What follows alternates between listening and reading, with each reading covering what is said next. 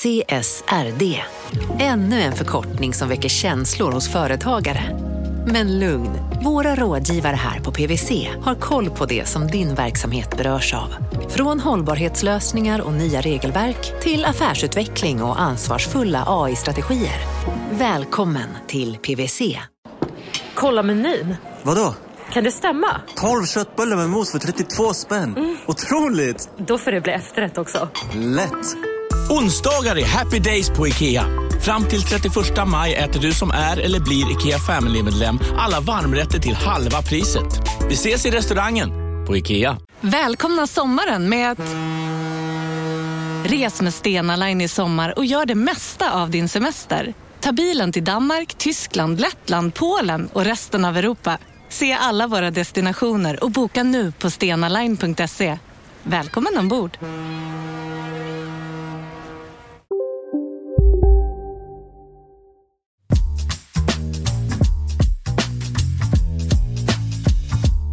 Det här är Kapitalet. Jag heter Jakob Bursell. Och jag heter Gunnar Harjus. Du vet hur vi snackat om hur börsen har gått upp i sjukt många år och att många människor har tjänat en massa pengar på det här. Pratar vi ofta om det? Jag vet inte. Jag, jag känner till fenomenet i alla fall, så mycket kan jag säga. Grejen är att man behöver ju inte egentligen ha gjort någonting speciellt. Det har i princip räckt att äga aktier eller fonder och så har man åkt upp och sen lite ner och sen upp igen och upp lite till. Och sen efter typ tio år så har det man hade från början blivit mycket mer. Och så här har det ju typ alltid funkat. Det hände på 80-talet, sen hände det i slutet av 90-talet, det hände under 00-talet och det händer nu. Och varje gång så blir det liksom en folkrörelse. Börsen går upp, folk tjänar pengar på sina pengar och då växer ju intresset. Och sen går det ner och då är det inte lika kul längre. Då, då infinner sig det här liksom förnekelsetillståndet och så slutar man titta på depån och ja. gör andra grejer istället. Börjar samla på fjärilar och sånt. Men det är som att varje generation får sin egen börsyra. Där varje börsyra producerar en grupp i samhället som bara älskar aktier. Och det här fick oss att fundera lite. Vilka är det som trillar dit? Är det stereotyper? Måste det vara folk som växer upp i välbeställda akademikerhem? Var föräldrarna intresserade av aktier? Var, liksom var det det som gjorde att folk trillade dit? Och vi kan säga redan här att vi har inget svar på den här stora frågan. Men jag har hittat en kille. Jag har vetat hela livet att det har funnits något magiskt med pengar, med företag. Inte pengar i sig, men att få pengar att växa har varit väldigt fascinerande.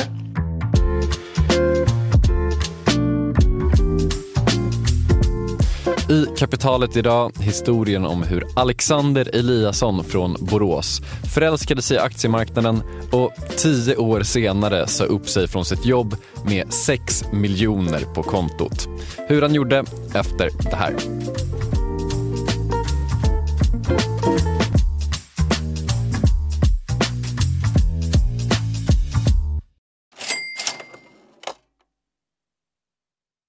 Vi sponsras av Storbrand Asset Management som ju förvaltar över 1000 miljarder norska kronor, bland annat för SPPs eh, många pensionssparare. För två år sedan så investerade Storbrand i drygt 60 tåg, alltså tågvagnar, eh, som rullar mellan London och Skottland. De leasar sedan de här tågvagnarna till tågoperatören som alltså kör tågen och säljer biljetter och sånt eh, med ett avtal på 27 år. Så britterna får nya fina tåg och storbrandskunder, eh, däribland alltså SPPs pensionssparare, får en inflationsskyddad avkastning med låga risker under lång tid. Det här är ett av supermånga exempel på hur pensionskapitalet i växande omfattning bidrar till att bygga samhället och inte minst till att klara klimatmålen. Det behövs elproduktion, elnät, batteriparker, nya transportlösningar och allt möjligt. Bara i Europa antas investeringsbehovet för att klara klimatmålen uppgå till tusentals miljarder dollar. Och det här är ju pengar som ganska ofta saknas i statsbudgetarna.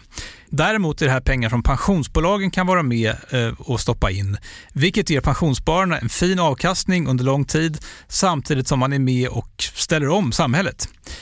Vi har gjort ett helt avsnitt om det här eh, som man kan lyssna på. Det publiceras här i Kapitalet i mitten av maj.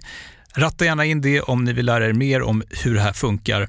Men tack säger vi till Storbrand Asset Management som ju investerar i alla tänkbara tillgångslag, bland annat för pensionsbolaget SPP. Och tillsammans försöker ju vi, Storbrand och SPP öka medvetenheten om hur pensionerna funkar och vilken roll pensionerna spelar i samhället och i ekonomin.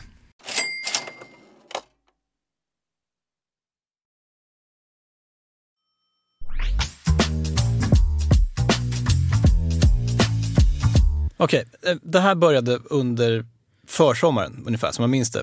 Jag satt på kontoret, eh, hade ett öga på Twitter där det alltid bara rasar förbi en massa saker. Det mesta är helt ointressant. Men så såg jag en grej som liksom fastnade. Det var en kille som hette Alexander Eliasson som hade lagt upp en bild. Eh, och den här bilden bestod av vad jag antog var en skärmdump från hans aktiedepå. Och om man då klickade på den här bilden så kunde man se att han hade tjänat mer pengar på en dag än vad en normal människa drar in på liksom, månader. Vad kände du då? Alltså jag känner att det bara är galet och blir typ lite avundsjuk. Vad kände du när du såg det här? Ja, men mest avundsjuka. Ja. Här sitter jag och gör en podd liksom.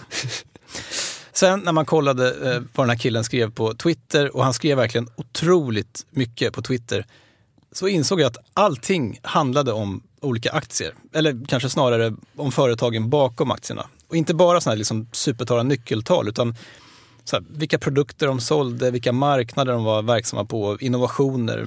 Men förstås liksom försäljningssiffror och marginaler och allt det där som hör till. Alexander Eliasson bor i Borås, eller bodde ska man väl säga. För efter sommaren så slutade han på sitt jobb och åkte till Asien på obestämd tid. Mer om det lite senare, men innan dess så han vi, eller du i alla fall, träffa honom. Ja, jag kontaktade honom i princip i samma minut som jag hittade den här bilden i hans Twitterflöde. Eh, och vi lyckades bestämma träff i Göteborg i början av juni. Han fick ta ledigt från jobbet och kapitalet fick kosta upp lite pengar för förlorad arbetsinkomst och en tur och returbiljett mellan Borås och Göteborgs central. Men vad gör man inte? Sen stod han där på mötesplatsen i jeans och svart t-shirt, svart läderjacka och lite sådär bakåtkammat hår. Jag hade en eh, väldigt Svensson-vanlig eh, uppväxt. Vi bodde i radhus. Vi hade en liten eh, eh, resa ut mot skogen i ett par år men huvuddelen så är det i Borås i radhus. Eh, hade nöjet att vi hade husvagn på sommaren och det blev väl en och annan resa till Kanarierna och det blir inte mer Svensson än så här så det var en fullt vanlig uppväxt. Alexander berättar att hans föräldrar var egenföretagare när han var liten och att han på den vägen lärde sig lite seder om flit och ekonomisk hushållning. Och så hade han en morbror. Min morbror, jag minns detta väldigt tydligt alldeles från när jag var bara några år gammal så kunde jag träffa honom och han var ju 100% entreprenör och han sådde alltid ett frö i mitt huvud som gjorde att jag blev nästan berusad av tankar en, två timmar efter jag hade träffat honom. Och så fortsätter det från att jag var bara några år gammal upp till tonåren. Så jag har mycket att tacka för honom för att han sätter det här entreprenöriella fröet i mig. För annars hade jag bara suttit här som eh, redovisningsekonom tror jag. Kapitalet tar med detta alltså inte ställning mot Sveriges redovisningsekonomer men Alexander fick helt enkelt någon slags företagsamhet i blodet, vilket kanske kan förklara det här med burkarna. Eh, som för många andra ungdomar så blev det svenska pantsystemet Alexanders inträdesbiljett till egenföretagandet. När vi växte upp i sommaren vid västkusten, vi hade husvagn, så märkte jag att det var business times när det var midsommar för då gick jag runt och samlade burkar hela dagen, hela natten lång. Jag förstod tidigt att midsommar det var högkonjunktur för panta burkar. Och jag fick med mig vänner och familj på detta och ingen vågade slänga några burkar när de visste att Alexander gick runt där. Ja, så Alexander Eliasson är då väldigt driftig, men han blir inte någon liten Joakim von Anka som sitter och samlar de här pengarna på hög. Utan pengarna som han drog in eh, finansierar hans stora intressen som är ganska jordliga. Han köper glass och godis och pizza och Kalle tidningar Och så är han intresserad av tv-spel, vilket ja, alltså är rätt dyrt ändå. Ja, många burkar ska in för att man ska kunna köpa typ. Många burkar. Ja. Så det här håller han på med ett par år och det är först när han går på gymnasiet som han får upp ögonen för det här med att pengar också kan placeras, att pengar kan jobba liksom. Man behöver inte spendera allting på godis och tv-spel och alternativet är liksom inte bara ett bankkonto utan du kan också hitta någonting som ger avkastning. Den solen lyser upp för mig när jag kanske är 17-18 år gammal. Att visst, det är roligt med pengar men vore det inte häftigt att kunna placera de här pengarna och få dem eh, att växa då så att säga. Det är också då jag börjar göra lite mer eh, systematiska eller strategiska beslut i mitt privata liv att jag kanske inte behöver ta det här helröret på krogen den här helgen också utan jag kanske kan placera det i Kinnevik. Och när jag såg att den bollen började rulla så var jag fast. Det var en berusande känsla. Jag visste då att det här kommer jag hålla på med riktigt länge.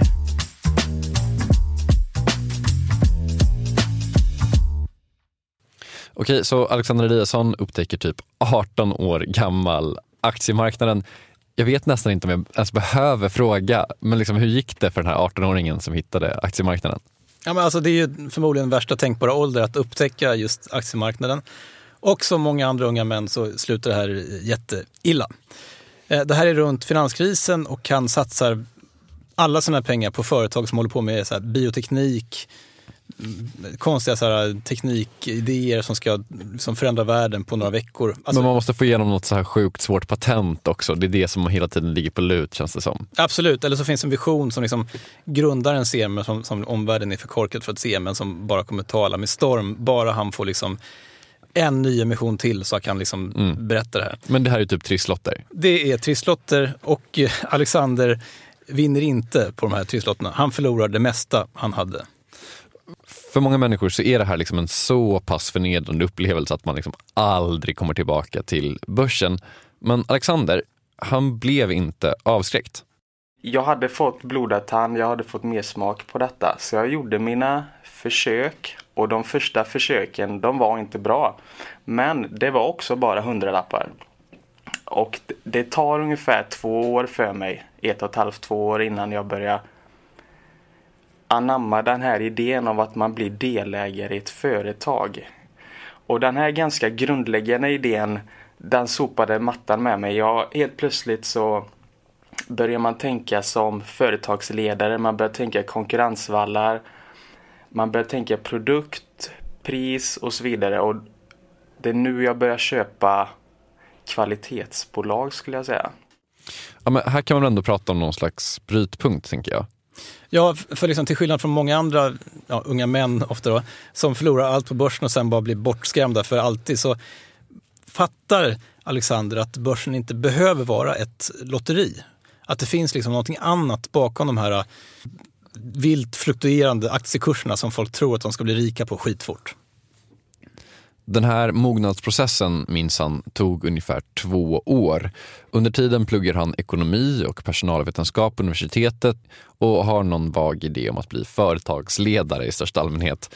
Och så har han ett extrajobb. Jag jobbade nästan 40% i en videobutik och for the record, det var skitcoolt då.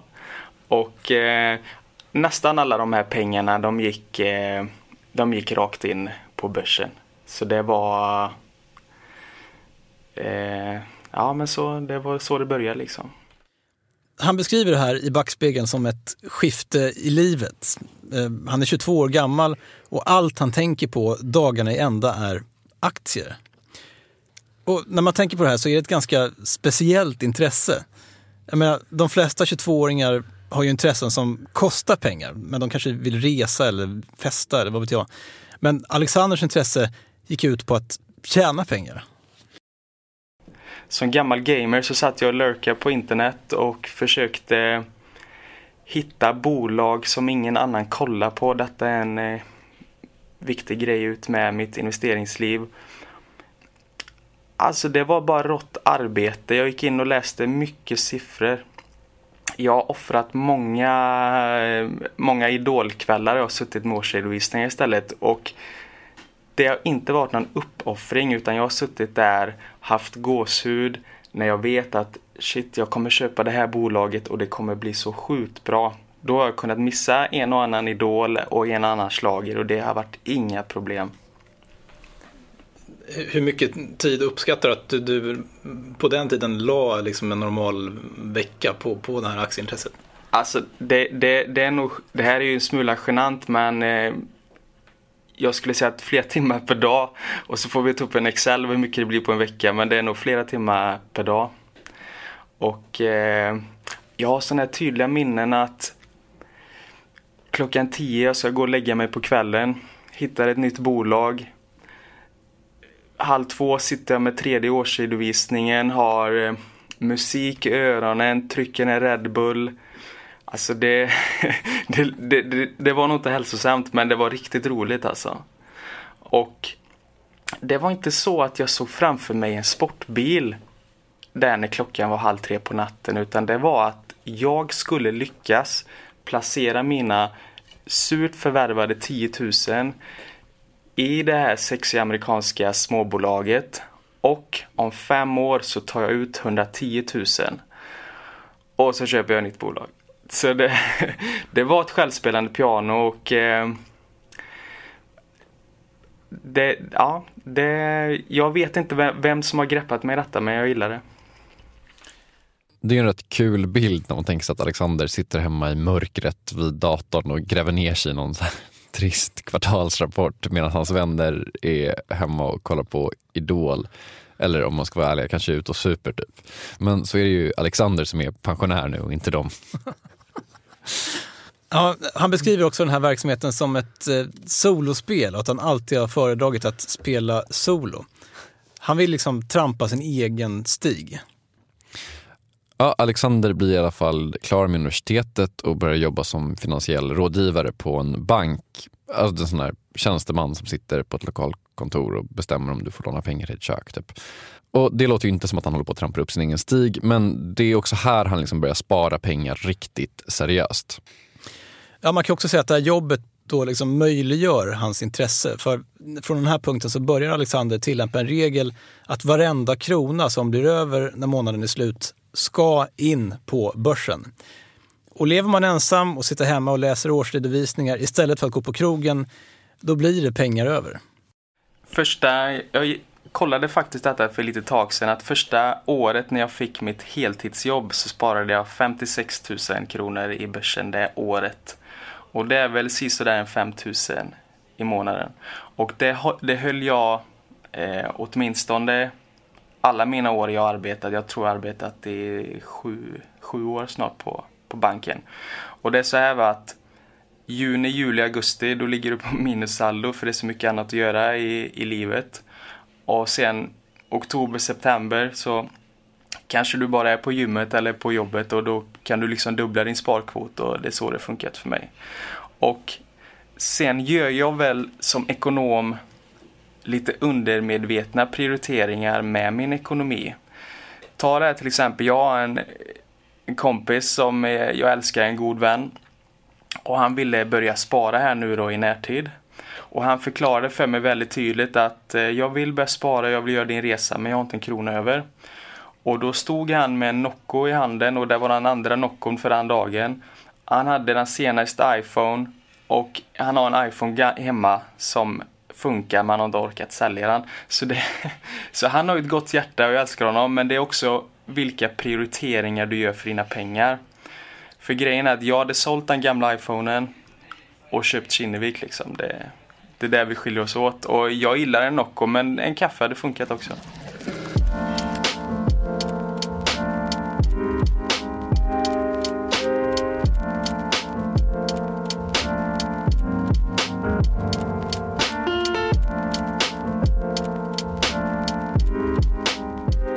–56 000 kronor om året. När jag hörde det första gången så lät det sjukt mycket, men sen när man tänker på det så är det kanske inte så mycket pengar, men man kan leva rätt billigt när man är 20 år, man har inga barn att försörja. Handen på hjärtat, man har inte samma matvanor, man kanske äter lite billigare än man gör senare i livet. Mm. Men man tänker ju ändå att den här killen lär ha levt sjukt torftigt och liksom inte gjort någonting annat än att sitta och stirra på sina årsredovisningar. Ja, men Alexander menar att eh, så är det faktiskt inte. Det är säkert ingen som tror på mig nu, men jag har faktiskt aldrig dragit i handbromsen över att köpa någonting eller göra någonting för att det skulle in på börsen. Men däremot så har jag haft en tanke att det är helt okej okay att inte ha bil när du är 23 eller 24 och istället sätta in pengarna på börsen. För så har det varit för mig. Det är ett aktivt beslut. Så det är inte så att jag känner att jag har missat en bil i mina unga år utan det var aktivt och jag gillar, jag står för det och jag hoppas att fler unga människor Vänta lite med bilen, vänta lite med köksrenoveringen, in och investera så kan du köpa tre bilar sen eller göra ett renovera ett hus. Så jag hoppas att jag inte har försakat någonting. Det är svårt att säga efteråt va? men jag tror inte det.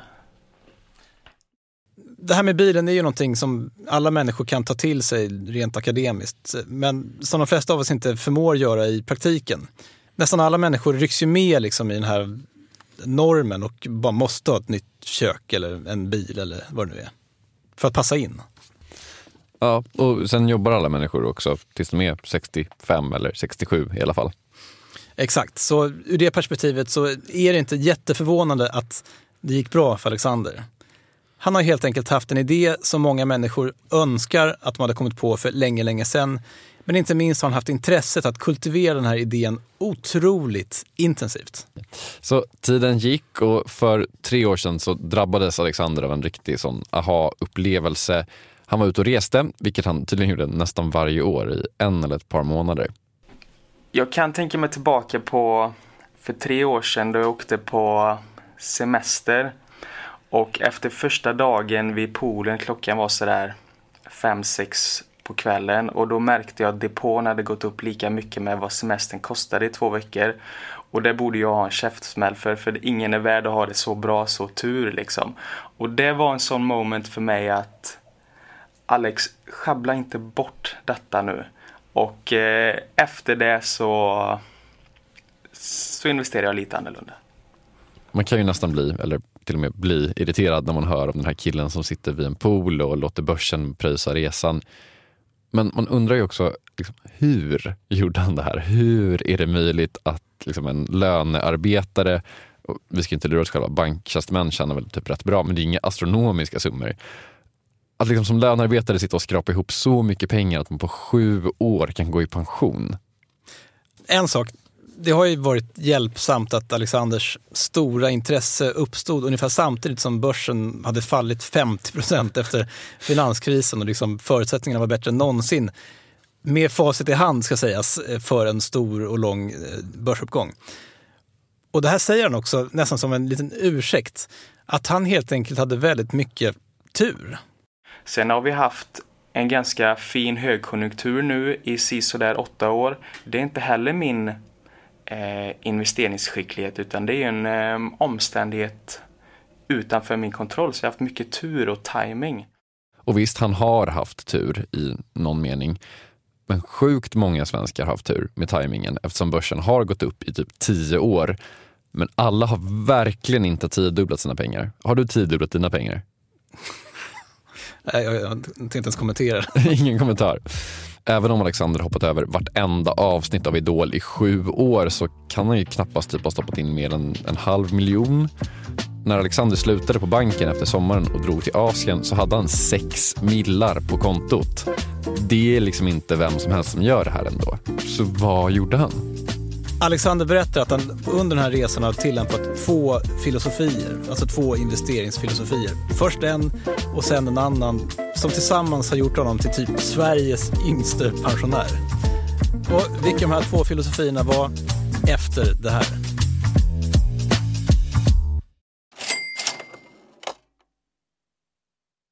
Kapitalet sponsras av Master Exchange, plattformen där du som privatperson kan investera i låtar och får pengar varje gång de här låtarna spelas. Eh, vi berättade ju senast eh, om barnlåten Puff the Magic Dragon som noterades av Master Exchange under våren. Nu har utdelningen på den låten kommit, eller royaltyn som vi säger i musikbranschen. Eh, den ligger på drygt 12% i årstakt Och det här är ju en avkastning som är helt okorrelerad till börsen. Till och med Goldman Sachs har börjat skriva om just musik som investering just ur det här perspektivet. Nu finns en möjlighet att investera i en ny låt. Eh, låten heter Boss Bitch och den är av Doja Cat eh, som, eh, alltså jag ska inte säga att jag är superdeep här, men eh, det är ändå en, en, person som jag vet om det är. En, en världskändis. Den här låten gav baserat på förra årets spelningar en avkastning på drygt 13 Master Exchange har just nu en väntelista på registreringar. Det, det, går lite för bra för dem kan man säga. Men skriver ni in kapitalet som promo code så kan ni runda kön och ansöka om andelar i låten Boss Bitch ändå. Man investerar helt vanliga pengar, det är inget krypto eller sånt där. Så vill du investera i musik och få en avkastning som är helt okorrelerad med börsen och kanske inte minst för att det är kul att äga låtar eh, så kan man gå in på masterexchange.com och använda kapitalet som promo-code så går man alltså förbi kön. Kom ihåg dock att alla investeringar är förenade med risk men vi säger stort, stort tack till Master Exchange. Kapitalet sponsras av Karla, Jakob. Ja, bilar igen. Ja, det är eh, härligt. På Karla kan man sälja sin elbil eh, på det gissningsvis smidigaste sättet i Sverige Eh, Karla har ju ett nästan ett komiskt högt användarbetyg på Trustpilot. Mm. 4,8 av 5, vilket jag typ aldrig hört talas om. Nej, det är väldigt, väldigt högt.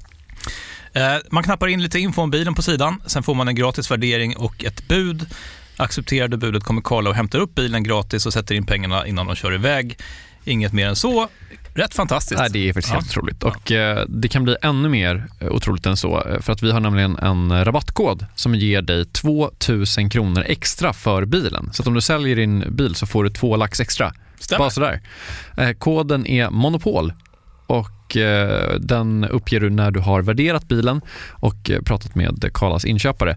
Koden är giltig till sista maj så att passa på om du går i säljartankar. Jag undrar om vi har haft en kod som har gett två lax bara sådär någon gång. Nej. Det är helt otroligt. Mm. Man behöver en bil förvisso. Absolut, så det är kanske inte bara sådär, men det är ändå 2000 kronor extra. Väldigt bra. Ja. Så sälj din elbil eller laddhybrid till Karla. Du får 2000 kronor extra med rabattkoden Monopol. Eh, hoppa in och kolla på karla.se. Karla Museet. Där kan man också köpa bilar ska jag tillägga. Verkligen. Vi säger stort tack till Karla.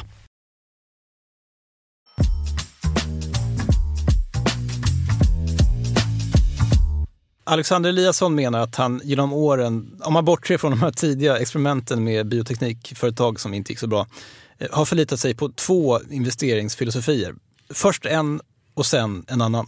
Den första är då att när jag i unga 20-årsåldern bestämmer mig för att bygga kapital så tog jag mig an på orden av de stora investerarna som sa så här att du ska ha få positioner du måste ha ganska koncentrerade bets. Och du ska ta vara på nedgångar för du kommer få några stora nedgångar i livet och du måste ta vara på dem. Så när jag byggde upp mitt kapital så förstod jag tidigt att jag kan inte ha en bred stor portfölj för då kommer det ta hela livet. Jag måste ha 3 till 4 innehav max. Jag måste satsa ganska hårt på de få innehaven. Och om vi har nedgångar 20, 30, 40 procent det är bara dubbla in, alltså in med alltihopa. Okej, så du ska köpa få aktier, stoppa mycket pengar i varje aktie och sen köpa ännu mer om börsen går ner. Var det, var det bra summerat? Ja, men det var det här han körde i början. Och sen berättade han att det här ganska snart blev rätt mycket pengar. Som vi hörde tidigare så passerade han vid någon tidpunkt så 3 miljoner kronor. Och då insåg han plötsligt att han inte ville bli av med de här pengarna. Det var liksom så mycket att det liksom kändes, ska jag jobba på banken, liksom, jag måste jobba hela livet flera gånger om för att få så här mycket pengar. Och då tänkte jag så här att, nej, nu måste du sluta riska så mycket. Så att nu har jag en investeringsfilosofi som liknar eh, Lundbergs eller eh, man kanske också skulle kunna säga Warren Buffett, det är att ungefär 50-70% av portföljen är bolag som har stabila och eh, växande kassaflöden som bör klara en global finanskris igen. Pengarna för de bolagen använder jag till att köpa lite mindre small caps, micro caps. Vilket betyder då att jag har en pengamaskin som är ungefär 60-70% av portföljen som är lite mer trygg. Och avkastningen från de här placeringarna så köper jag lite mer roliga, lite mindre bolag som har större avkastningspotential. Detta medför att det kommer inte dubblas lika mycket som det gjorde innan. Men samtidigt så kan jag sätta mig på en öde ö en månad och veta att jag um, inte har blackout när jag kommer tillbaka från den. Liksom. Så det var ett eh, aktivt beslut och återigen det här med tur, det har gått oförskämt bra sen de tre miljonerna så nu har det blivit sex. Och jag märker att ju mer pengar jag tjänar så blir jag mer riskavärt. Alltså jag vill ta ner risken ännu mer. Så, så nu har jag en ganska bred portfölj och jag vill inte vill inte ha för stort tapp i detta då för jag kommer aldrig kunna bygga upp det igen. Ja, Alexander har ju en väldigt imponerande historia och man blir liksom glad för hans skull. Men alla är ju inte så här intresserade av börsen. Så det egentliga svaret på hur man blir rik på börsen är väl alltså, ja, var intresserad. Hoppa över Idol, drick inga helrör, investera pengarna i Kinnevik. Ägna all, all, all av din tid på börsen. Precis, men jag frågade ändå Alexander om man kunde ge tips till alla som sitter ute i Sverige som vill åka till Asien på obestämd tid någon gång. Om hur man kan göra det här utan att vara så otroligt intresserad av aktier så att man måste liksom hoppa över Idol. Det är en fråga som eh, jag får ganska ofta och så här, greppa den fundamentala grundidén om att när du köper aktier så blir du delägare i ett företag. Det här är en idé jag älskar som eh, jag blir berusad av att tänka på den idén. Och om du gör det så enkelt för dig så har du klarat av en stor del för att komma in på aktiemarknaden. Att köp lite Starbucks för du går säkert och köper en kaffe och du kommer i ditt liv kunna se om Starbucks är coolt, om de håller sig mot sina konkurrenter. Bara där har du en grundläggande aktieanalys. Alltså du har undersökt om du gillar produkten, du vet om produkten flyger, du vet vilka konkurrenter Starbucks har. Om du kan köpa den idén att bli delägare i företag som du gillar, som du tror håller stången mot andra så köp en korg sådana företag. Åtta kommer gå bra, två kommer gå dåligt och inom 5 till 10 år så har du dubblat pengarna om du inte verkligen har eh, schabblat på vägen. Så jag vill mena att alla kan bli aktieinvesterare och jag hoppas att alla blir det för att det är skitkul och det är ganska lönsamt också.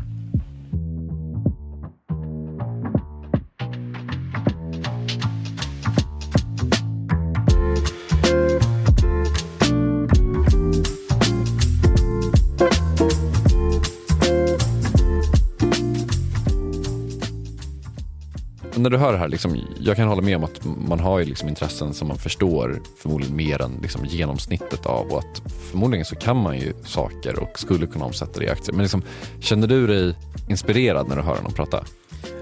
Jag känner mig absolut inspirerad. Eh, kanske inte för att jag blir jättesugen på just aktiemarknaden. Men sensmoralen är ju att man kan bli bra på någonting och egentligen vad som helst om man bara lägger ner väldigt, väldigt mycket tid på det. Mm. Om man är tillräckligt intresserad. Och, och det, här, det visar också, jag tycker bara man återknyter till, eh, till början av programmet. Det här är en helt vanlig kille. Det var ju liksom inte någon akademikerhem och det var inga silverskedar och det var liksom inga så här, egentligen guldkantade förutsättningar. Han bara älskar det här och har, blivit bra på det på helt egen hand. Men det, här, det, här, det är hans stora intresse. Det här är hans passion. Det här kommer han göra hela livet. Eh, det här kommer bara bli förmodligen större och större och större. Sen kommer börsen gå ner, det kommer bli mindre och mindre och mindre. Men sen liksom, i det långa loppet så kommer det här bara bli förmodligen ja, en enorm hög pengar. Just för att han tycker att det är så kul. Det, det, det är min känsla. Och då kan han på riktigt omsätta i Joakim von Anka mycket pengar i mynt och dyka i det. då kan han nå det, det egentliga målet, att ha en egen pengabinge. ja, tills dess får han väl dyka i den indiska oceanen eller vad han nu är. Kapitalet är slut för den här veckan, men vi är tillbaka med ett nytt avsnitt nästa vecka. Hej då!